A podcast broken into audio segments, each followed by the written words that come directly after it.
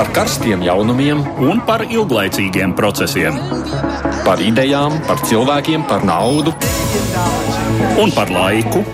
Par abām mūsu planētas puslodēm, un lietojot abas smadzeņu puslodes. Ēterā raidījums divas puslodes. Labdien, studijā Mārija Ansona un Eduards Liniņš skan raidījums divas puslodes. Japānas imperators Akihito atteicies no troņa. Pēdējo divu gadsimtu laikā tas ir noticis pirmo reizi. Varu imperators nodevis savam dēlam, imperatoram Naruhito. Akihito tronī kāpa pirms 30 gadiem pēc sava tēva, ilga, ilgadīgā imperatora Hirohito nāves. Japānā, Japāna un tās imperators būs mūsu raidījuma lielais temats. Igaunijā beidzot jauna valdība, un arī tās sākums ir ievērības cienīgs. Viens no ministriem jau uzrakstīs atlūgumu. Tas ir ārējās tirniecības un informācijas tehnoloģija ministrs Marti Kūziks, pret kuru ierosināt kriminālu lietu par iespējamu vardarbību ģimenē. Igaunijas prezidente pameta valdības sēdu uz brīdi, kad Kūziks te uz vērestu. Un trešais temats - parlamenta vēlēšanas Spānijā. Tajās uzvarējusi premjera Pedro Sančesa sociālistu partija. Šīs bija, jau, šīs bija jau trešās vispārējās vēlēšanas pēdējo četru gadu laikā. Sančesam tās nācās izsludināt tādēļ, ka parlaments februārī noraidīja viņa mazākuma valdības sastādīto budžeta projektu 2019. gadam.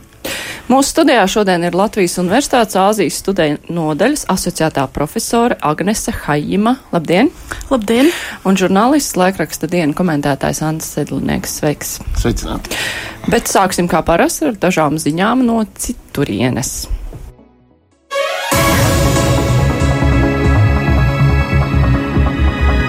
Venecuēlā atsākušās sadursmes starp opozīcijas līdera Juana Gvaido atbalstītājiem un drošības spēku pārstāvjiem. Gvaido šonadēļ paziņoja, ka sākusies operācija brīvība un notiek līdzšanējā prezidenta Nikolasa Maduro gāšanas pēdējā fāze. Valdība savukārt to sauc par maza mēroga militāro puču, kas tiekot novērsts. Armija joprojām atrodas Maduro pusē, līdz ar to varas maiņa šobrīd tiek uzskatīta par maz ticamu. Spriedze Venecuēlā pieaugusi kopš šī gada janvāra janvāra, kad opozīcijas līderis pasludināja sevi par prezidenta pienākumu izpildītāju. Vairāk nekā 50 valstis ir atzinušas Gvaido un uzskata, ka līdzinējais prezidents Maduro savu leģitimitāti ir zaudējis. Prāgā un citās Čehijas pilsētās tūkstošiem cilvēku izgājuši ielās, lai protestētu pret premjeram Andrejam Babišam pietuvinātās juristes Marijas Benešovas nominēšanu tieslietu ministra amatam. Babišs tiek turēts aizdomās par krāpšanos ar Eiropas Savienības subsīdijām, bet oficiāls apsūdzības viņam arvien nav izvirzītas. Ir bažas, ka līdz apsūdzībām tā arī nenonāks, ja Benešova kļūs par tieslietu ministri.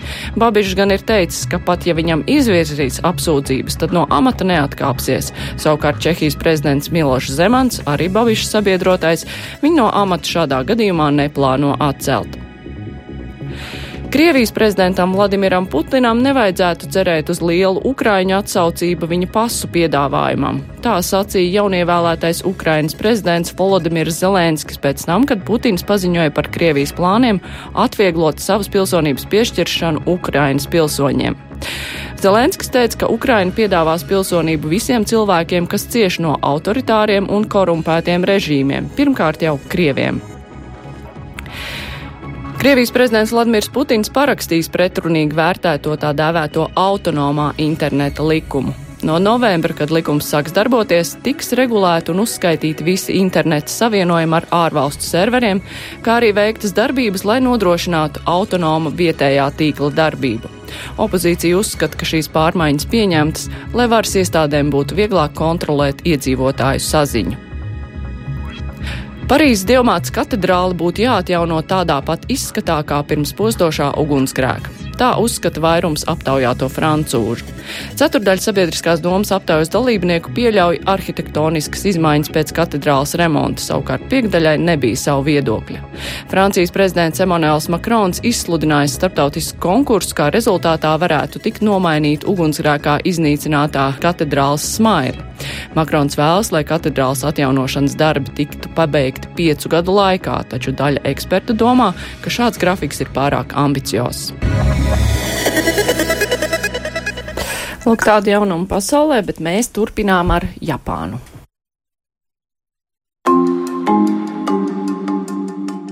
Japānas imperatoru dinastija tiek uzskatīta par pasaules senāko karaļnamu. Mīti vēsta, ka mūsdienu Japānas monarha senči sākuši valdīt arhipelāgā 7. gadsimtā pirms mūsu ēras, taču daudz maz droši ticamas ziņas par pirmajiem Yamato dzimtas imperatoriem atrodamas no mūsu ēras 5. gadsimta. Tomēr vismaz kopš 13. gadsimta imperatoriem piekrita no zemeslietām attālinātu virspriesteru loma, laicīgo valdīšanu atstājot visvara no militāra militāro virsvadoņu šogunu ziņā. Tas turpinājās līdz pat 1868. gadam, kad rietumu valstu intervences ietekmē notika tā sauktā Meidžī restaurācija. Tika pieņemta moderna konstitūcija, kas padarīja imperatoru par reālu monarhijas galvu ar likumdošanas iniciatīvas un likumu apstiprināšanas, izpildvaras vadītāju un bruņoto spēku virspavēlnieka funkcijām. Japāna šai laikā īstenoja strauju modernizāciju un ārējo ekspansiju, kas noslēdzās ar sagrāvi Otrajā pasaules karā. Tas bija brīdis, kad senās monarhijas liktenis bija nopietni apdraudēts, jo imperators Hirohito tika uzlūkots kā Japāņu imperiālisma iemiesotājs. Tomēr Japānai izdevās saglabāt savu dinastiju, vien jau atkal atbrīvojot kronēt valdnieku no praktiski visām varas funkcijām. 1947. gadā pieņemtajā konstitūcijā imperators definēts kā valsts un vienotās tautas simbols. Pusnaktī no 30. aprīļa uz 1. maiju pēc vietējā laika Japāna piedzīvoja varas maiņas aktu, kāds nebija noticis vairāk nekā 200 gadus. Līdzšinējais imperators Akihito nodeva krizantēmu troni, kā to tradicionāli dēvē Japānā, savam dēlam, jaunajam imperatoram Naruhito. Saskaņā ar Japānu chronoloģijas tradīciju tas nozīmē arī jaunas ēras, reivas jeb daļās harmonijas laikmeta sākumu. Akihito šobrīd ir 85 gadi, un krizantēmu troni viņš mantoja no sava tēva, jau pieminētā imperatora Hirohito 1989. gadā. Viņš paliks Japānas vēsturē kā pirmais imperators, kura sieva nepiedar pie aristokrātijas. Imperatore Mitiko nāk no rūpnieku un akadēmisko darbinieku dzimtas. Tāpat Akihito daudz biežāk nekā viņa priekšgājēji parādījās sabiedrībā. Savukārt jaunais imperators Naruhito šobrīd ir 59 gadus vecs. Tāpat kā tēvs, arī viņš apņēmis sievu ne no aristokrātijas. Imperators Masako tēvs ir karjeras diplomāts un jurists. Ģimenē aug viena meita, princese Aiko, taču tā kā Japānas karaļnama likumi liedz troņa mantošanas tiesības sievietēm, par troņa mantinieku tagad kļuvis Naruhito jaunākais brālis, kroņprincis Fumihito.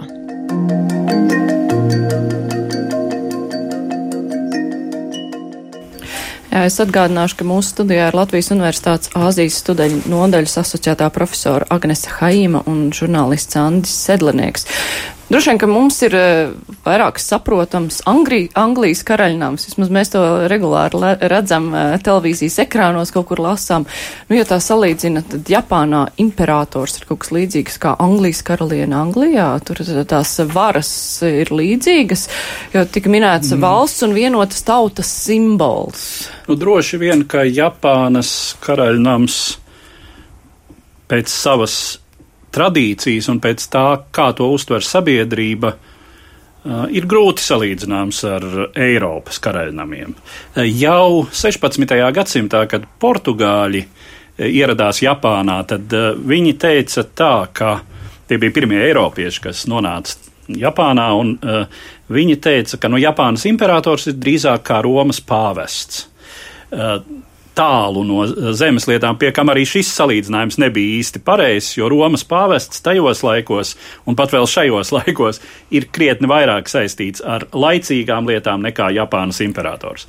Eh, protams, arī Eiropas karaļnāmi nu jau šobrīd ir atvadījušies no lieluma lielā uh, savu, uh, teiksim, varas funkciju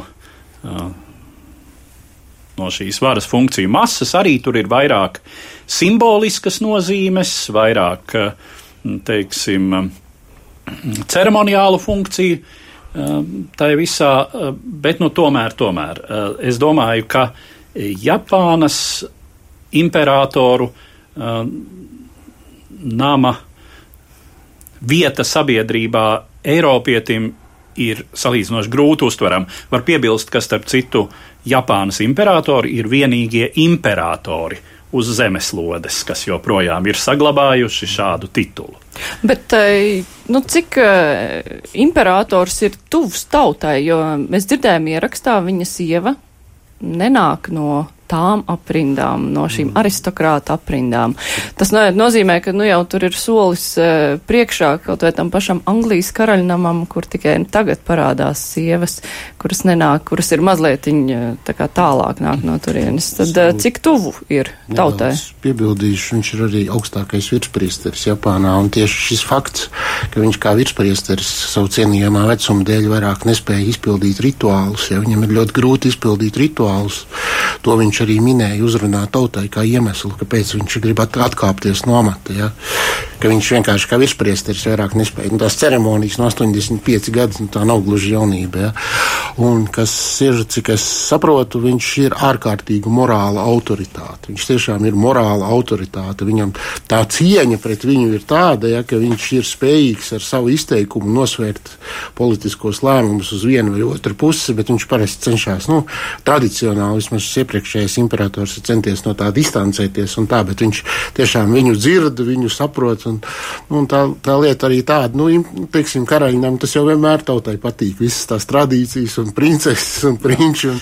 Var piebilst, ka tautai Eiropā patīk arī karaļnāmu privātā puse, teiksim, tā virtuves puse, un jau sen, jau gadsimtiem sen, teiksim, Eiropieši zināja, kas ir karaļa konkubīne, respektīvi metrese, Eh, cik viņam viņu ir, kāda ir viņa ietekme galmā un tā tālāk un tā tālāk, un par to ir romāni rakstīti. Kas attiecas uz Japānu, tad tur tas tomēr ir citādi. Japānas imperatoru nams šai ziņā uh, nav tautai ne tuvu tik atvērts. Manuprāt, Japānas dzeltenā prese, nu cik es par to varu spriest, neraksta par to. Teiksim, kādas varētu būt imperatora, piemēram, privātas simpātijas ārpus ģimenes. Heims kundze, kas jums piepilstams klausoties šo visu? Um, jā, mm, jā, es gribētu teikt, ka um, Japānas imperators um, ar savu darbību um, spēja ietekmēt tautu un uh, uh, ietekmēt arī uh, politisko Eh, nostāja dažādos jautājumos. Un eh, Japāņu tauta izturas pret viņu ar lielu cieņu un arī eh, starptautiskajā mērogā, diplomātiskajās attiecībās. Iepriekšējam imperatoram ir bijus, bijis zināma ietekme.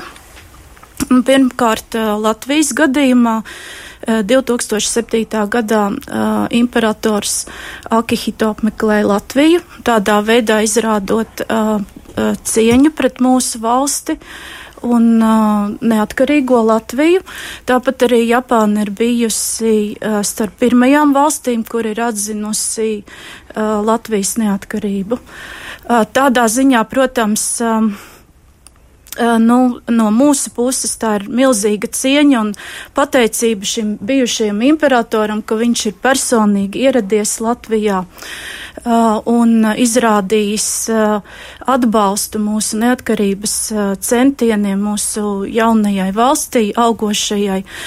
Tajā laikā viņš apmeklēja arī universitāti, tikās arī ar studentiem. Pašlaik Latvijas universitātē arī ir Japānas studiju centrs, ir iespējams apgūt Japāņu valodu. Un šīs Japānas studijas pamazām attīstās un plešas plašumā.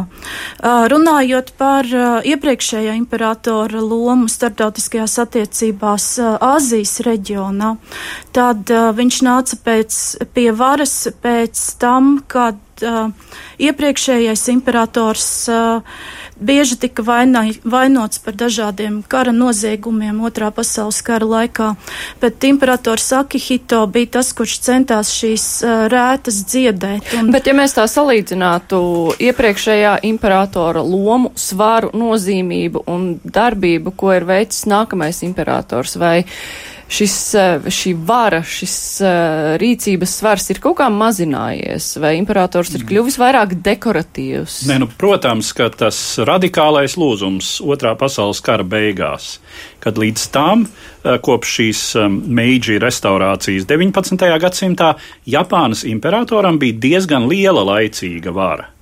Um, diezgan, uh, diezgan daudz teikšanas, uh, kā vidusmēra tā laika Eiropas monarham. Tā bija pusabsolūta monarhija, ne tik patvaldnieciska, kāda tā bija, uh, teiksim, Krievijas impērijā, bet apmēram tādā pašā līmenī, kā, teiksim, Vācijas ķeizaram pirms Pirmā pasaules kara.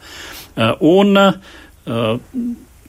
Otrā pasaules kara beigas bija šis radikālais lūzums, pēc kura uh, paliekot tronī tam pašam imperatoram Hirohito, viņ, viņa funkcijas mainījās radikāli.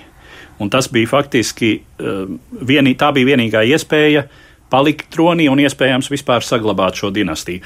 Jo, ja paklausās, teiksim, otrā pasaules kara laika uh, radio pārraides, propagandas, mūziku, eh, sevišķi amerikāņu ražoto, paskatās plakātus, tad līdzās Hitleram un Musolīnī tur bija imperatora Hirohito ģīmetne. Viņš bija amerikāņu galvenā ienaidnieka šai karā, proti Japānas iemiesojums, ienaidnieka tēls numur viens.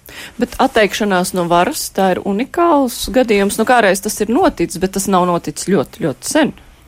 Principā, jā, tas ir unikāls. Es varbūt to piebildīšu pie Liniņa kunga. Ir tāda tradīcija, vispār, tas vispār ir ļoti raksturīgi Āzijas valstīm, ka par karaļu privāto dzīvi tu labāk neinteresējies.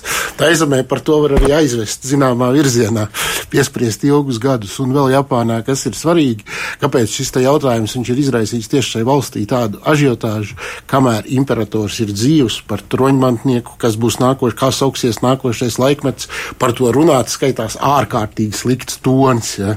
Un tāpēc tas arī izraisīja tik milzīgu ažiotāžu. Viņš atsakās, ja? bet no otras puses tā mentalitāte tāda, bet viņš taču patās ir, ja? Socās, viņš taču Jā. joprojām netiek tur vest uz to templi. Ja? Kā tiek tur... rakstīts tad vēsturiski viduslaikos, uh, nu, pēc Eiropas analoga. Ja? Tā tad, protams, Japānā ir arī vēsturiski drusku cita chronoloģija, bet tā tad viduslaikos, jaunajos laikos eh, atteikšanās no troņa nav bijusi ļoti neparasta parādība. Bet uh, mūsu laikos, modernajos laikos, tātad, nu, kā tiek teikts, ja vairāk nekā 200 gadu tiešām nekas tāds nav noticis. Bet eh, kāda bija iemesla kādreiz, kāpēc atteicās no troņa? Nu, teiksim, ir tas saucās feodālā sadrumstalotība šogunu varajā, nu, militāro vadoņu šogunu varajā, un tur jau vispār mums arī tas ir savā ziņā tas ir līdzīgs Eiropas laikmetam, ja, kad tev piespiež atteikties, vai tur, vai ir kādi dinastiskie strīdi, vai kas tam jau visam Japāna ir gājusi cauri, ja, saucās Japānā savstarp pilsoņu kari ir uh, viduslaikos ritējuši ar tādu entuziasmu, ka nu, pamaz neliekās. Ja. Uh, jā, es gribēju piebilst, ka Heian periodā, tas ir uh, 10. un 11. gadsimts, tā tad uh, uh, bija uh, gadījumi, kad imperatori atteicās no varas uh, formāli. Tikai tādēļ, uh, lai sāktu, uh, lai kļūtu par kādu, nu, teiksim, par priesteri un uh, uh, ar savu darbību templīt, kā distancējoties no varas, kļūtu par īstajiem politikas noteicējiem. Tas bija tāds politisks manevrs, jo uh, Heian periodā um, politiskā vara, patiesā politiskā vara piederēja Fujivaru klanam, kur bija ieprecējušies imperatori ģimenē. Un, um, Un, lai izvairītos no, no šī klāna ietekmes, protams, tas bija lielā mērā finanses jautājums, jo šis Fuģivāra klāns bija izveidojis tādus likumus, kas neļāva naudai nonākt imperatora personīgajā um, kontrolē.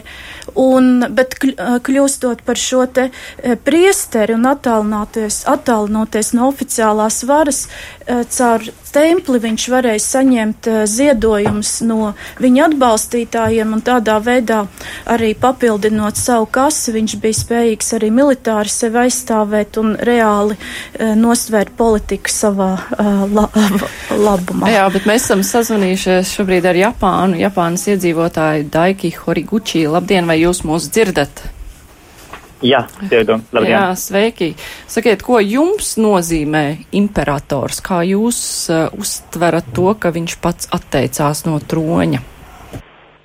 Uh, kā jau laikam minēts uh, pašā raidījumā, uh, imperators uh, reprezentē valsts un Japānas tautas simbolu. Un es ļoti priecājos par šo vēsturisko notikumu. Es, uh, kā mēs kļuvām tādu vēstures lieciniekiem. Vai jums imperators bija apnicis, ja jūs priecājaties, ka viņš maina, vai jūs augstu vērtējat to, ka viņš pats ir atteicies, lai dotu vietu jaunam? Uh, īstenībā uh, svarīgi atzīmēt, ka imperators Akihito atstājas troni pēc savas iniciatīvas, atstatoties uz savu vecumu. Un tas notika pēdējo reizi apmēram pirms 200 gadiem jo parasti troņa atstāšana ir bijusi saistīta ar imperatora aizgāšanu aizsaulē. Un iepriekšējā reizē, 1989. gadā, jaunās ēras izsūdināšana notika jau nākamajā dienā pēc viņa nāves, tādā sēru gaisotnē. Bet šoreiz uh, jaunās ēras nosaukumā Reiva izsūdināšana 1. aprīlī un tā stāšanās spēkā 1. maijā notiks daudz gaišākā un svinīgākā gaisotnē. Un to sajūtu var salīdzināt ar uh, jaungada sagaidīšanu nosacītī, bet tā bija daudz savādākā, bet svētākā tādā pacēluma sajūta nekā sagaidīt jaunu gadu, kas mums notiek jau vienu reizi gadā. Jā, un kā ir mainījusies sabiedrības attieksme pret imperatoru, ja mēs paskatāmies pēdējās desmit gadas? Um, mēs visu laiku, Japānas, Japānas tauta visu laiku sekojam seko līdzi uh, imperatora ģimenei, uh, pārdzīvojam. Un es domāju, ka des, des, pēdējos desmit gados uh, kopumā Japānas tautas uh, attieksme tik uh, krasi nav mainījusies, uh, tikpat tādā pozitīvā attieksme ir bijusi un būs man liekas. Bet eh, nu, mēs šeit redzamā pieminējām, ka Japāņi varbūt tā neielūkojas imperatoru dzīves aizkulisēs, bet vai tā tiešām ir, vai dzeltenā presa raksta kaut ko par to, ko tur ar ko ir ticies imperators? Uh, varbūt tikai dzeltenā presa.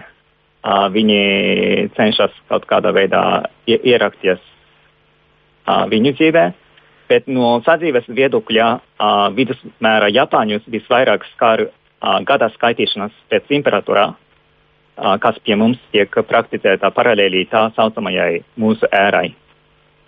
Jo tā tiek izmantota oficiālos dokumentos valsts iestādēs, skolās, kompānijās, un ikdienā visur to redzam. Un mēs, re, mēs redzēsim šo jauno, jaunā, jauno ēras nosaukumu. Un sakiet, vai kaut kur Japānas sabiedrībā ir saglabājusies attieksme, ka imperatora vāra ir nu, dievišķa, ka viņš ir tāds uh, nu, garīgs līderis? Uh, jau, jau šobrīd uh, tā, tāds uzskats uh, nav pieņemts uh, Japānā, uh, un viņi ir tāpati cilvēki kā mēs. Noteikti viennozīmīgi. Jā, paldies par sarunu. Mēs sazinājāmies ar uh, Japānas iedzīvotāju Daiki Horiguchi. Interesanti bija par to gadu skaitīšanu. Tagad arī bērni droši vien burtnīcās uh, rakstīs. Pilnīgi visi. Visi lietvedība, viss, pilnīgi viss. Jā, un arī mm, līdz oktobra beigām ir paredzēts uh, um, nodrukāt jaunas naudas zīmes, uh, izkalt jaunas monētas, kurās būs uh, jaunās ēras nosaukums. Tā ka mēs samērā drīz redzēsim uh, jaunas naudas zīmes, kuras es gaidu ar nepacietību. Pagaid, bet kas notiek ar vecajām naudas zīmēm, kuras te varbūt kaut kur klīst? Nē, nu droši vien kā jebkuras naudas maiņas gadījumā, kurs jau nemainās un uh, vērtība, teiksim, nomināls nemainās, tā ka droši vien tās pakāpeniski tiek izņemts no apgrozības. Uh -huh. Tas ir labs veids, kā atjaunot banknotes. jā. Nu jā, bet, ja bet mēs iedomājoties, teiksim, visu veidlapu pārdrukāšanu, zīmogu pārtaisīšanu visās valsts iestādēs, tas tomēr ir diezgan darbietilpīgs un arī līdzekļu ietilpīgs process. Toties ekonomiku stimulējuši. nu jā, bet ja mēs mazliet paskatāmies uz Japānas vēsturi, Japāņi pēc otrā pasaules kara tieši kara noslēgumā bija sliktie.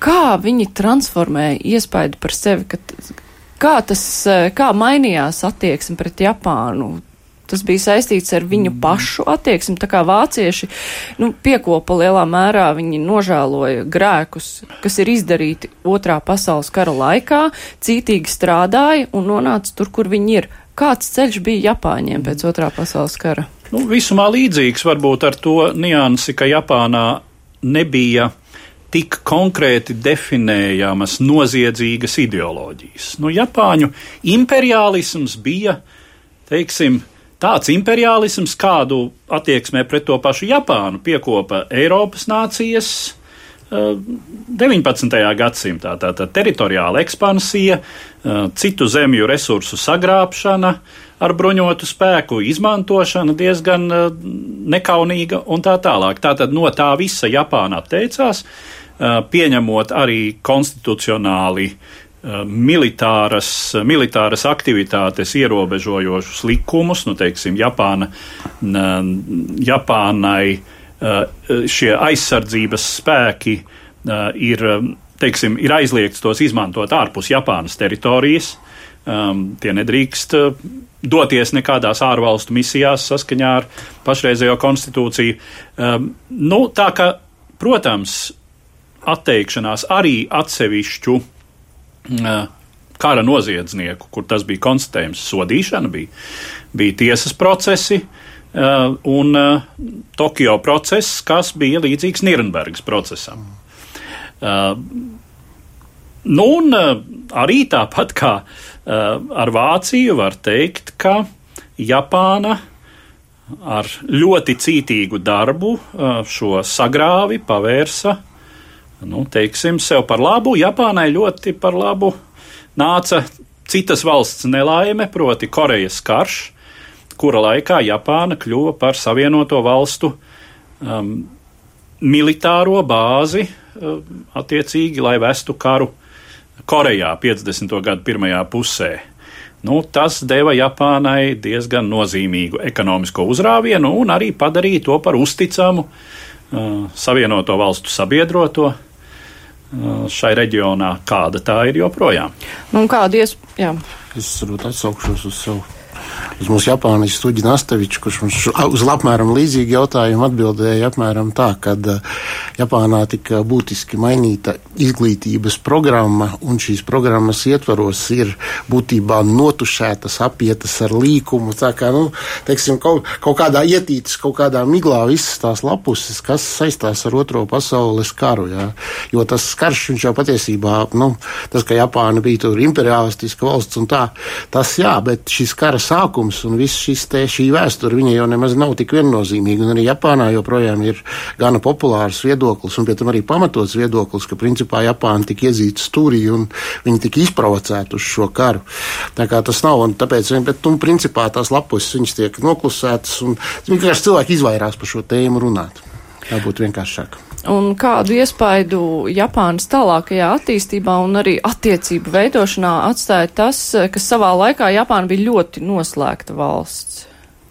Tas ir kaut kā tieši, nu, ja mēs runājam par kaut kādu mentalitāti, attiecību veidošanu. Nu, ja salīdzina Japānu ar Ķīnu, kas arī bija līdzīgi sevī noslēgusies valsts, tad Japāna jau ir tas piemērs, kad eh, šī modernizācija bija strauja eh, un salīdzinoši visaptveroša un arī ļoti veiksmīga ka teiksim, 50 gadu laikā šī valsts, kas cieta no visām tām salīdzinoši no Eiropas nācijām atpalikušajām Āzijas valstu problēmām.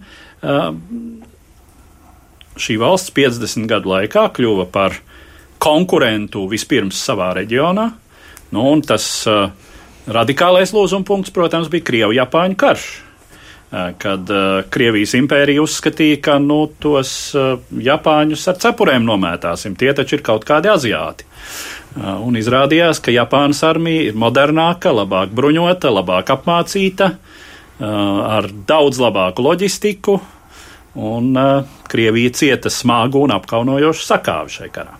Bet nu, mēs varam apmēram nojaust, tad, kad nu, mūsu cilvēki iet eh, kārtot biznesu ar amerikāņiem, ar angļiem, nu, tu apmēram saproti, kādi cilvēki ir pretī. Japāņi ir citādāki. Mm, jā, mm, Japāņu komunikācijas metodas un mentalitāte atšķirās no uh, Eiropiešiem, Amerikāņiem, un uh, neizprotot uh, viņu domāšanas veidu, uh, ir samērā grūti veidot uh, veiksmīgas attiecības. Nepietiek tikai ar to, ka izmācās valodu, uh, un īpaši biznesā.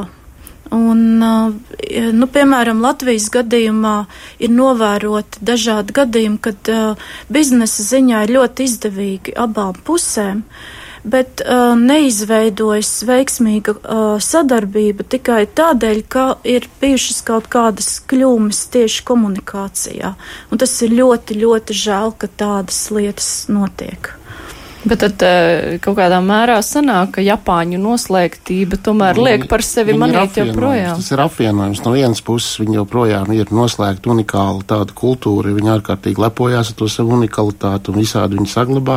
No otras puses viņi ir atvērti visam jaunajam, viņi meklē tur attīstās un tā tālāk. Tas ir tāds apvienojums. Ja? Un es pieļauju domu, ka cilvēkam no malas vienkārši ir grūti saprast, kurā brīdī viņš ir kurš, kurā, kurā brīdī viņš ir tajā savā, savā kultūra telpā aizgājis un kurā brīdī viņš ir atvērts. Tas ir līdzīgi kā ķīniešiem. Man stāstīja gadījumu par Rīgā braucis kaut kāda ķīniešu delegācija un ar lepnumu, viņiem ar lepnumu rāda Ļeņina vietu, kur atradās Ļeņina piemineklis un stāsta, kā mēs šo Ļeņinu, ja?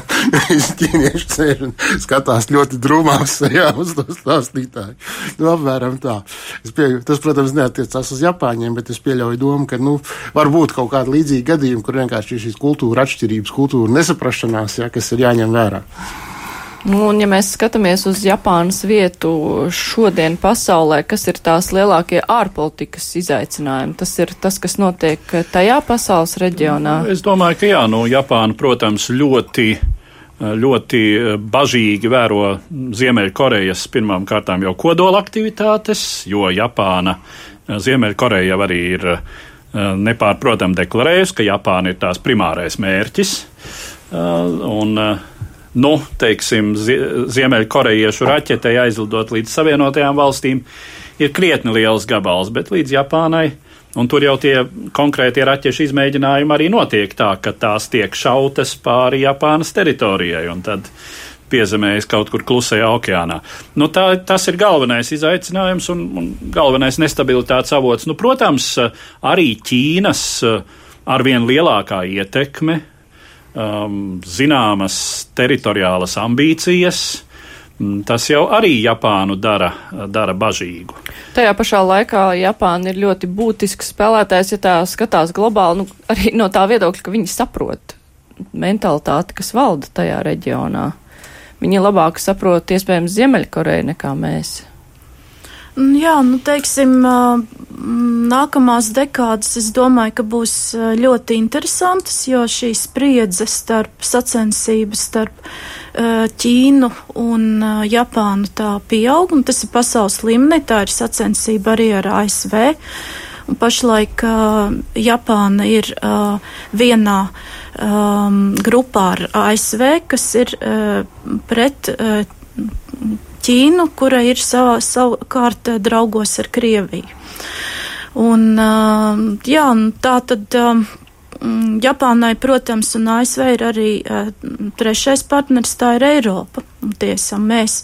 Bet, nu, protams, pasauli ar bažām vēro, mm, kā notiks šīs smagsvaru uh, smagsvaru spēles nākamajās dekādēs, jo ja eh, Ķīna izvirzīsies eh, daudz spēcīgāka, tad nu, jautājums, kāda, kāda būs šī politiskā kārtība pasaulē. Maz piebildi, Japānai ir, viņi centīgi veido attiecības ar tādu valsti kā Indija, redzot tur pretsvaru Ķīnas ietekmei, un viņi ļoti centīgi balansē tur starp Krieviju, Indiju, Ķīnu, ja, jo, kā teiks, Tas ir jocīgi, bet valsts, kas ir ievērojama teritorijas ziņā lielāka par Lielbritāniju, un kur ir 110 miljoni cilvēku, ņemot vērā, kādu viņai ir kaimiņi, viņi paši sevi, paši sevi uzskata pamatā par mazu valsti. Un viņi meklē partnerus un sadarbību un citas arī Eiropā. Tā kā tas ir arī mums varētu būt kādas iespējas. Jā, nu pat ir salīdzinoši nesen noslēgts brīvās tirdzniecības līgums starp Eiropu un Japānu kas ir lielākais šāda apjoma līgums vēsturē. Par to mēs arī esam stāstījuši. Un, um, kas attiec uz Eiropu, nu tad Japāna ir uh, potenciāli tomēr ekonomisko sakaru ziņā mūsu partneris numur viens šajā reģionā. Ja mēs paskatāmies uz, uz Ķīnu un uz citām valstīm, tad visa biznesa kultūra, uh, tomēr uh, mm, ekonomikas darbības modeļi, uh, no visām šī reģiona valstīm mums ar Japānu ir vistuvākie. Nu jā, par brīvās tirniecības līgumu runājot, eh, šis līgums ar Japānu bija tā kā pretsvars eh, tam, ka mums neizdodas ar Ameriku noslēgt līgumu tajā brīdī, bet, nu, it kā tam vajadzētu stimulēt amerikāņus arī padomāt, bet laikam nav īsti salīdzināms. Bet mums ir jābeidz par eh, Japānu, mums būs jārunā tālāk par Igauniju. Es saku paldies uh, Agnesei Haimai, Latvijas Universitātes asociētajai profesorai. Ants Sedlnieks paliek mūsu studijā. Tātad, kā jau minēju, norādīja, Bargi norādīja, jā, bet mēs tad turpināsim ar to, kas notiek Igaunijā. Igaunijas valsts prezidente Kerstī Kaljulaida jau agrāk piesaistījusi uzmanību ar iezīmīgu tērpu izvēli, tāpēc jo sevišķi spilgts žests bija viņas ierašanās jaunās Igaunijas valdības inaugurācijas ceremonijā 29. aprīlī Svīterī, kuru rotāja uzraksts igauņu valodā Vārds ir brīvība. Tas ir nepārprotams mājiens Jirī Ratasa kabinetam, kura sakarā tiek izteiktas bažas par tieksmēm ierobežot preses brīvību.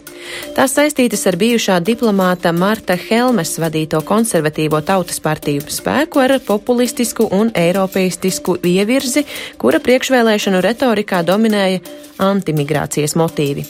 Kā Marts Helme, tā viņa dēls Mārtiņš izteikušies, ka no Igaunijas sabiedriskās raidorganizācijas būtu jāatlaiž žurnālisti, kuri atļāvušies kritizēt viņu partiju. Inaugurācijas ceremonijā abi aplaimoja klātesošos ar žestu, kuru pēdējos gados saista ar balto rasisma idejām. Marta sākumā notikušajās Igaunijas parlamenta vēlēšanās pārliecinošākie panākumi bija liberālajai reformu partijai ar Kalju Kallasu priekšgalā. Taču vēlēšanu uzvarētājus no varas atstūma trīs citas partijas, izveidojot ideoloģiski savādu, ar cīm redzami tīrā varas loģikā balstītu koalīciju. Tajā vienojušās premjera Jirija Ratasa vadītā centra partija, kas starp citu tiek uzskatīta par Igaunijas krievalodīgo interešu aizstāvi, par nacionālu konservatīvu uzlūkotā partija Tēvzeme un jau pieminētā konservatīvā tautas partija.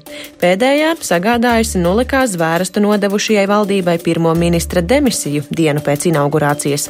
Nesen presē izpaudās ziņas, ka jaunās valdības ārējās tirdzniecības un informācijas tehnoloģija ministrs Martī Matī Kūziks tiek turēts aizdomās par vardarbību ģimenē.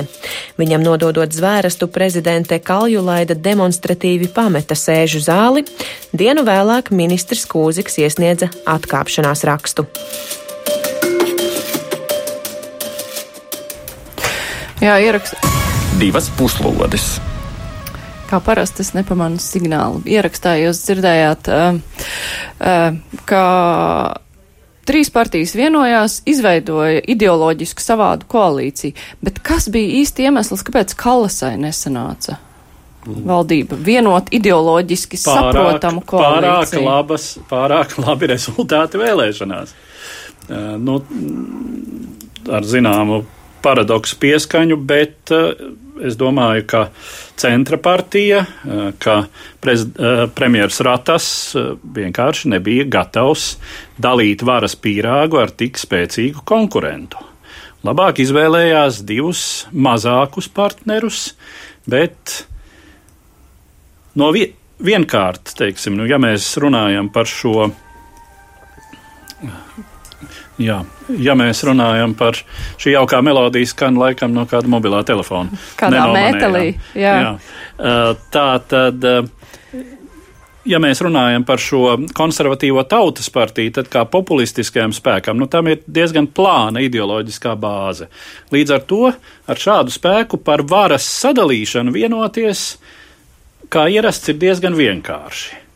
Viņiem vajag zināmu skaitu ministru portfeļu, tos viņi arī dabūja. Tā tad ir skaidrs, kā reformu partiju, kas ir iesakņota, stabila,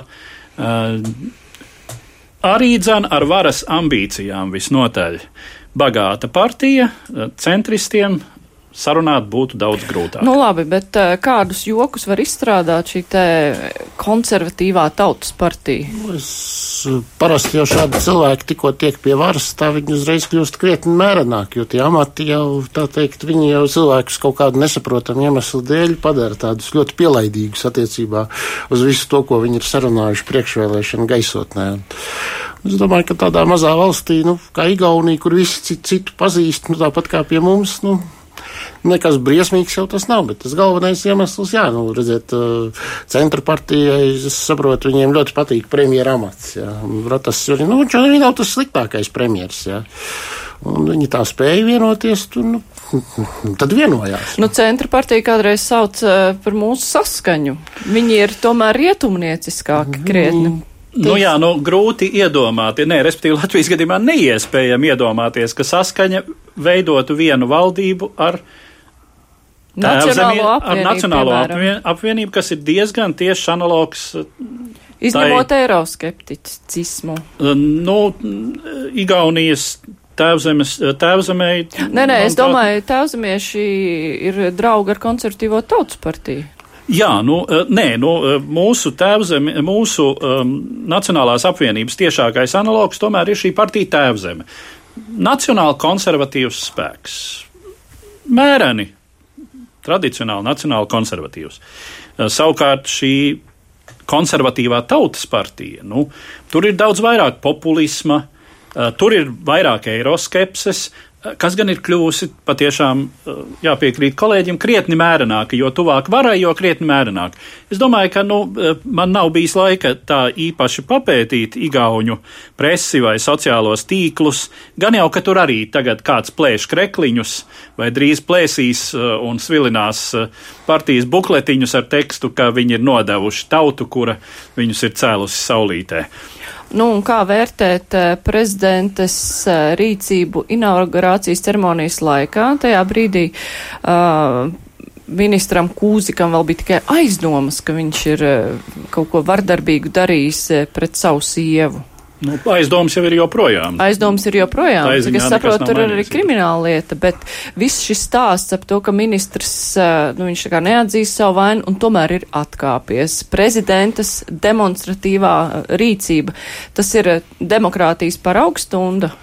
Ja mēs skatāmies arī no tā, kas mums notiek, kā mēs vērtējam kaut kādus iespējamos pārkāpumus. Tas kā kuram labāk tīk, tas ir gaumas jautājums. Jā. Jā, nu, gaumes momentu tur ir gana daudz, bet es domāju, ka tā prezidents arī īsteno savu morālo autoritāti. Tas, kā Kaljulaida to dara, es teiktu, sievišķīgi šarmanti, demonstrējot ar tērpu. No nu, tērpu viņa par vārdu brīvību, viņa aizstāvēja žurnālistu taču. Jā, arī, un, bet nu, tā ir tomēr uh, attieksme pret šo koalīciju kopumā. Ja prezidente atnāk svīterī ar uzrakstu, tur, kur etiķete prasa nākt kostīmā, lietišķā kostīmā visdrīzāk, nu tad tas ir ne tikai par preses brīvību. Tas ir, es domāju, arī par šīs koalīcijas raksturu kā tādu. Mm. Es varbūt vēl īsi piebildu, ka Kaljulaidas dzīves biedrs ir mājasaimnieks, ja? un iespējams šis fakts ir ietekmējis, ietekmēja viņas nostāju. Nu jau gan. Nē, nu es, var, nu es tā viegli ar ironiju. Bet ja mēs paskatāmies analoģijas, vai Latvijā līdzvērtīgā gadījumā būtu pieņemts ministram atkāpties no amata dienu pēc uh, amatu saņemšanu? Es nevaru atcerēties, vai mums ir bijis mums nav bijis līdzīgs mums gadījums. Līdzīgs nav. Mums ir Valdis Kristovs, kas atkāpās, šķiet, tas bija sen apakaļ. Kad, nu, Bet tās atkāpšanās tradīcijas tajā brīdī, kad pret kādu amatpersonu ir aizdomas par to, ka viņš kaut ko ir izdarījis, mums ir tikpat attīstītas vai tomēr nē? Es domāju, ka mums tās ir apmēram tikpat attīstītas kā Igaunijā, un ja mēs runājam par šī procesa jūtīgumu, tā ziņā, nu, cik, teiksim, politiķi reaģē uz kādu kairinājumu šai ziņā politiķi reaģē, tad krietni maz attīstītāk nekā Zviedrijā, kur, zināms, atkāpšanās ir bijusi, nu, mēs atceramies to pašu Lailu Freivaldi, kurai ir nācies atkāpties par pilnīgi likumīgām darbībām, kas eh, vienkārši nav bijušas savienojamas ar partijas pamatnostādnēm vai politisko toni. Nu jā, es tā mēģināju vedināt. Mums gan nav nevienam ierosināta lieta. Nu, varbūt mums bet... vienkārši līdz tādi cilvēki netiek līdz varai, varbūt var cerēt. Paliek mēs... pašvaldību līmenī. Un tur jau nu gan. Lai gan kaut kāda aizdomāna ir Nē, pret mūsu ja labklājības ja ministrs. Raugamies no pašvaldību viedokļa, nu tad es baidos, ka mums šāda tradīcija praktiski nav, ja jau mums te pašvaldībās dzīvo tādi ļaudis, ka, nu. Nu jā, bet, bet ir skaidrs, cik nopietnas apsūdzības ir šim kūzikam. Nu, tas Es neņemos tās nē, nē, nu, es arī neņemos spriest. Tur ir uh, dažāda informācija, bet uh, no acīm redzot, aizdomām pamats ir, bet kamēr nav konkrēts spriedums attaisnojošs vai citāds, tikmēr uh, ko nu mēs tur zinām teikt. Nu, ja. Nu, apmēram tā, nē, nu, ko es tur daudz piebildīšu. Nu, tā tomēr privāta lieta. Nu. Nu, jā, bet mums jāpaspēj vēl runāt par Spānijas vēlēšanām. Svētdien notikušajās Spānijas parlamentā ārkārtas vēlēšanās spožu uzvaru izcīnījusi kreisi centriskā sociālistu partija. Pedro Sančesa vadītie sociālisti palielinājuši savas partijas frakciju teju par trešdaļu, kļūstot par ietekmīgāko spēku ģenerāla kortesos. Viņiem izdevies atņemt balsis kā radikāli kreisākajam blokam ar nosaukumu Kopā mēs varam, tā līdz šim valdījušai labēji centriskajai tautas partijai, kas šais vēlēšanās cietusi smagāko sakāvi savā vēsturē, zaudējot vairāk nekā pusi no deputātu mandātiem. Daļa šīs partijas elektorāta pārgājusi labēji populistiskās partijas Vox atbalstītāju rindās, ļaujot šim spēkam pirmo reizi iekļūt Spānijas parlamentā. Tiek lēsts, ka viens no galvenajiem sociālistu veiksmes motīviem ir Spānijas sabiedrības vēlme pēc spēcīgas barjeras pret eh, labējo populistu varas tieksmēm. Pēc šīm vēlēšanām Spānija uz daudzu citu Eiropas valstu fonu izskatās kā īsta sociāldemokrātijas citadele. Tomēr vispārējais spēku samērs parlamentā liek prognozēt sarežģītu valdības veidošanas procesu.